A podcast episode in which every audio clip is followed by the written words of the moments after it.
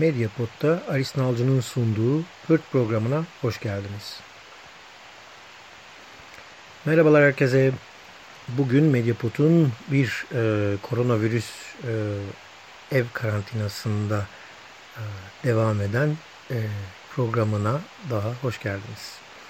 Bu sanırım üçüncü ya da dördüncü program ev karantinasında devam ediyor. E, Belçika'da karantina 19 Nisan'a kadar demişlerdi ama e, tahminen 4 Mayıs'a uzatılacak. E, Fransa 11 Mayıs'a uzattı bile.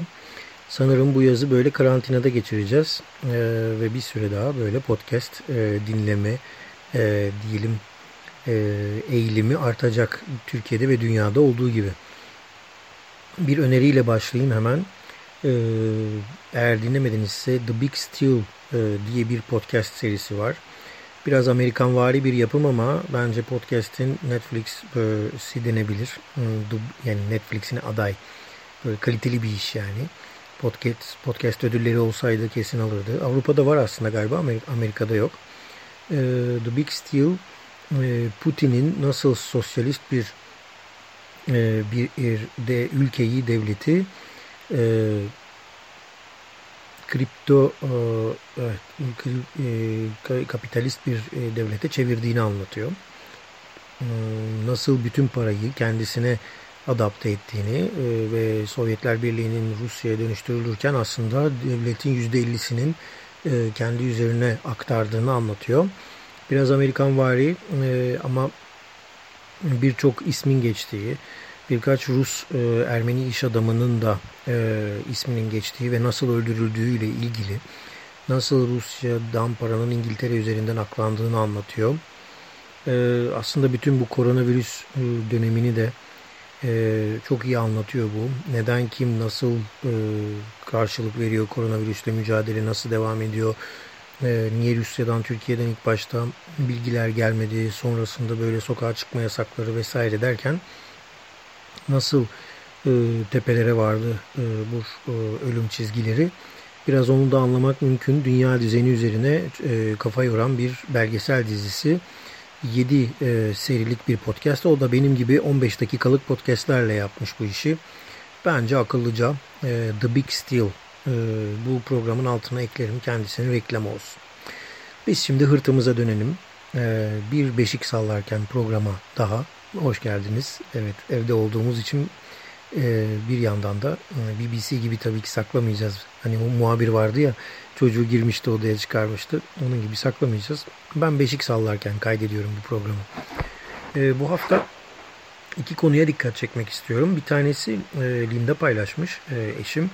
E, 1968 yılında Hong Kong'dan gelen bir e, yine bir virüs e, dünyayı sarmış ve aslında bu virüsten şu an bizim mücadele ettiğimiz koronavirüsten çok daha fazla e, insanın ölümüne sebep olmuş ama o dönem siyasiler biz şu an bununla uğraşamayız 68 kuşağıyla uğraşıyoruz diyerekten hiç büyük e, hiç büyütmemişler işi.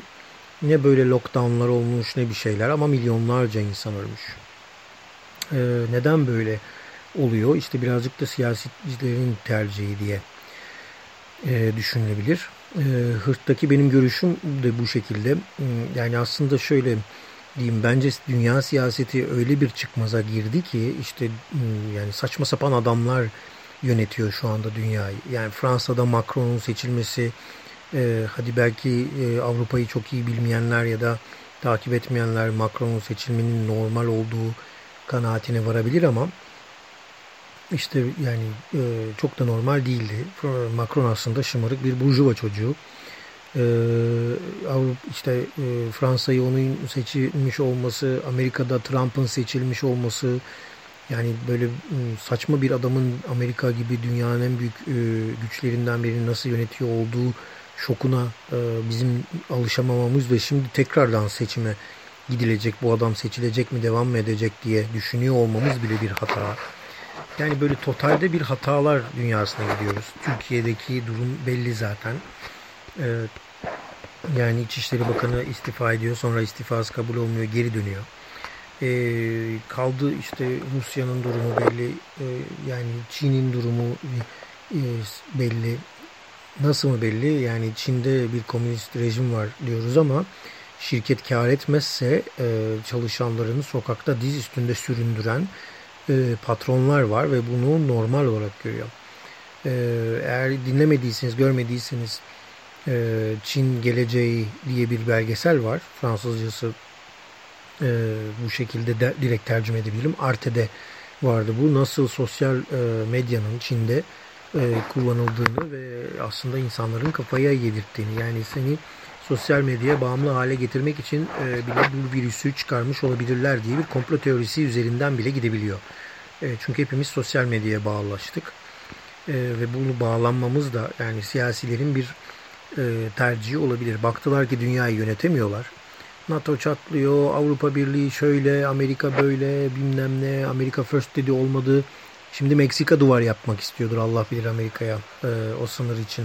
Hatırlıyorsanız Amerikalılar sınıra duvar örmek istiyordu. Şimdi Meksika istiyordur o duvarı örmeyi herhalde. Amerika'da ölü sayısı daha fazla. Üstelik Amerika nasıl müdahale edemedi dünyanın en e, çok ölüm rakamlarından biri geliyor. Bu kadar büyük bir, büyük ülke olup da bu rakamlarını görmezden görebilecek kadar da aptal olabilecek bir başkanı olan ülke başka var mıdır bilmiyorum. Vardır tabi. Bizim de görüyoruz işte e, Cuma günü akşamıyla sokağa çıkma yasağı ilan edenler. Aman canım iki günden kimse ölmez diyen e, hemşireler ve doktorlar bulup e, Facebook'ta sosyal medyada troll yaptıranlar gördük bu son iki günde. E, bence bu siyasilerin artık dünyayı yönetememesi üzerine bence bu virüs meselesi de tam düşmüş olabilir. Yönetemiyoruz madem herkesi evlerine kapatalım e, şeklinde denebilir.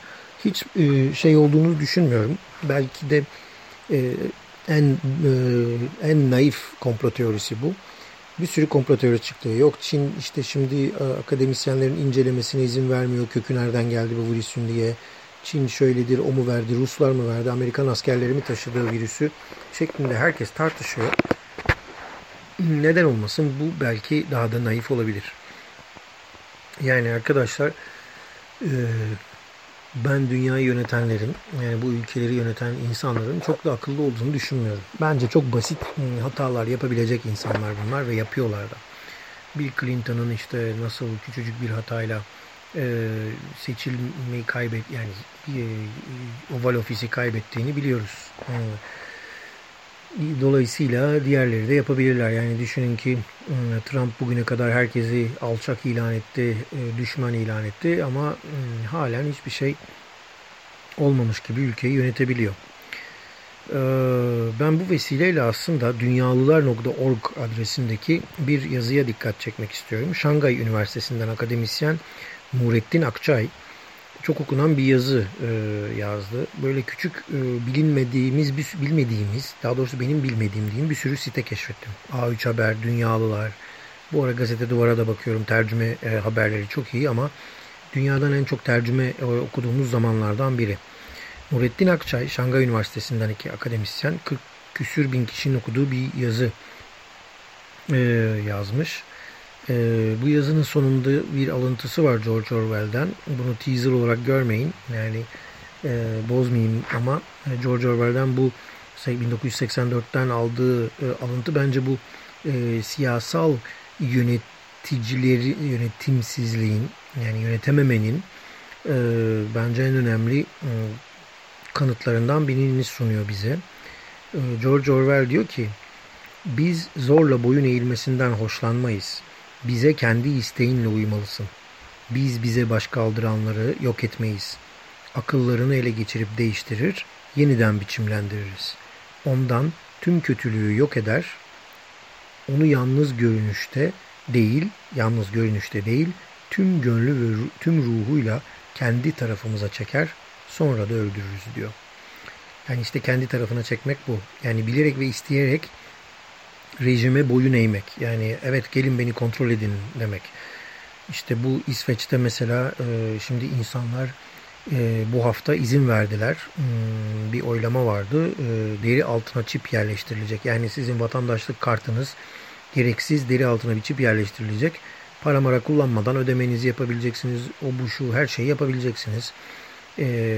Banka hesabınıza bakabileceksiniz öldüğünüzde ya da ölmediğinizde normal hayatınızda orayı çipi okutup sizin gelmişinizi geçmişinizi öğrenecek.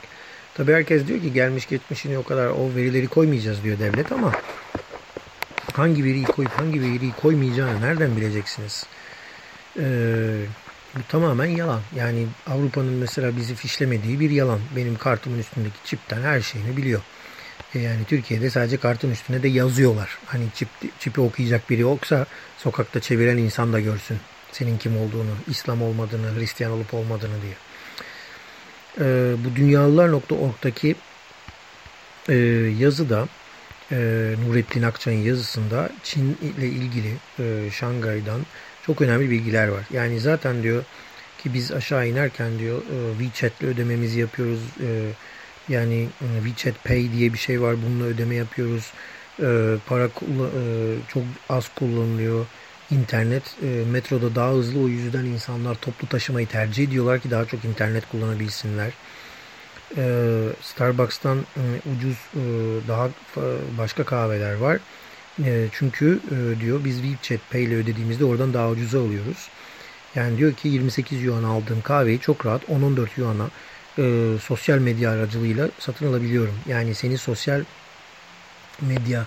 medyaya yönlendiriyor Çin devleti. İşte bu sosyal e, şeyde var ya e, not veriyor Çin hükümeti ona göre senin erişimini e, belirliyor. İşte öyle bir şey olacak ki senin puanına ve like'larına ve takipçilerine göre e, sen tatile gidebileceksin ya da gidemeyeceksin. Senin e, Avrupa'ya tatile gidip gidemeyeceğine bu puanlar karar verecek.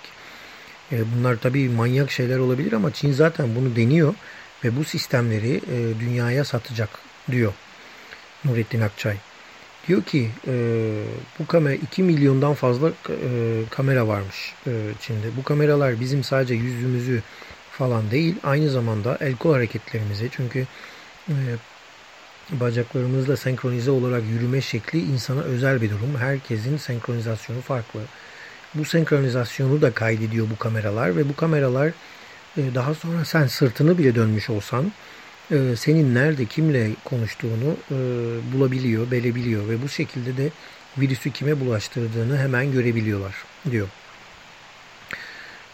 Daha sonra da hedef kişi havuzuna karşılaştırıp senin her şeyini banka detaylarına dahil bu data yoluyla bulabilir. Yani bir data manyaklığı e, şeklinde. İşte her şeyinizi QR e, kodlarıyla ödeyebiliyorsunuz diyor. Sinema bileti alıyor, ev kiralıyor, uçak ve tren biletini sadece bu uygulamalarla alabiliyorsun.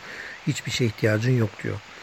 Şimdiye kadar e, 49 ülkeye Çin bu e, veri sistemini satmayı başarmış. Tekelleşme yapıyor diyor. E,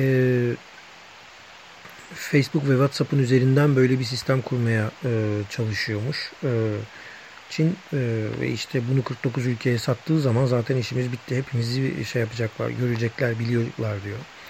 E, aslında inanılmaz bir şey. 49 ülke. Türkiye hala bu ülkelerin arasında değilmiş.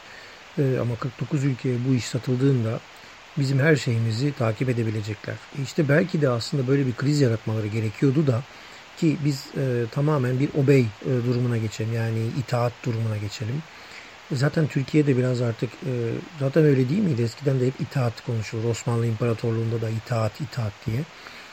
Koşulsuz itaat dönemi e, ne geçilmesi için belki de bu kriz kullanılıyor. E, çok küçük bir detay daha. Koşulsuz itaat derken bundan sonraki seçimlerde kesinlikle Yeşil Hareket'in inanılmaz oylar alacağını düşünüyorum. Bu da siyasi bir not olsun ama şu notu da düşeyim. Şu meşhur e, genç arkadaşımız Greta Thunberg vardı ya Nerede o? Hiç haberi çıkmıyor. Hiçbir şey demiyor. Hiç şeyi olmuyor. Ee, kayboldu gitti. Böyle de küçük bir eleştirim olsun. Haftaya görüşmek dileğiyle.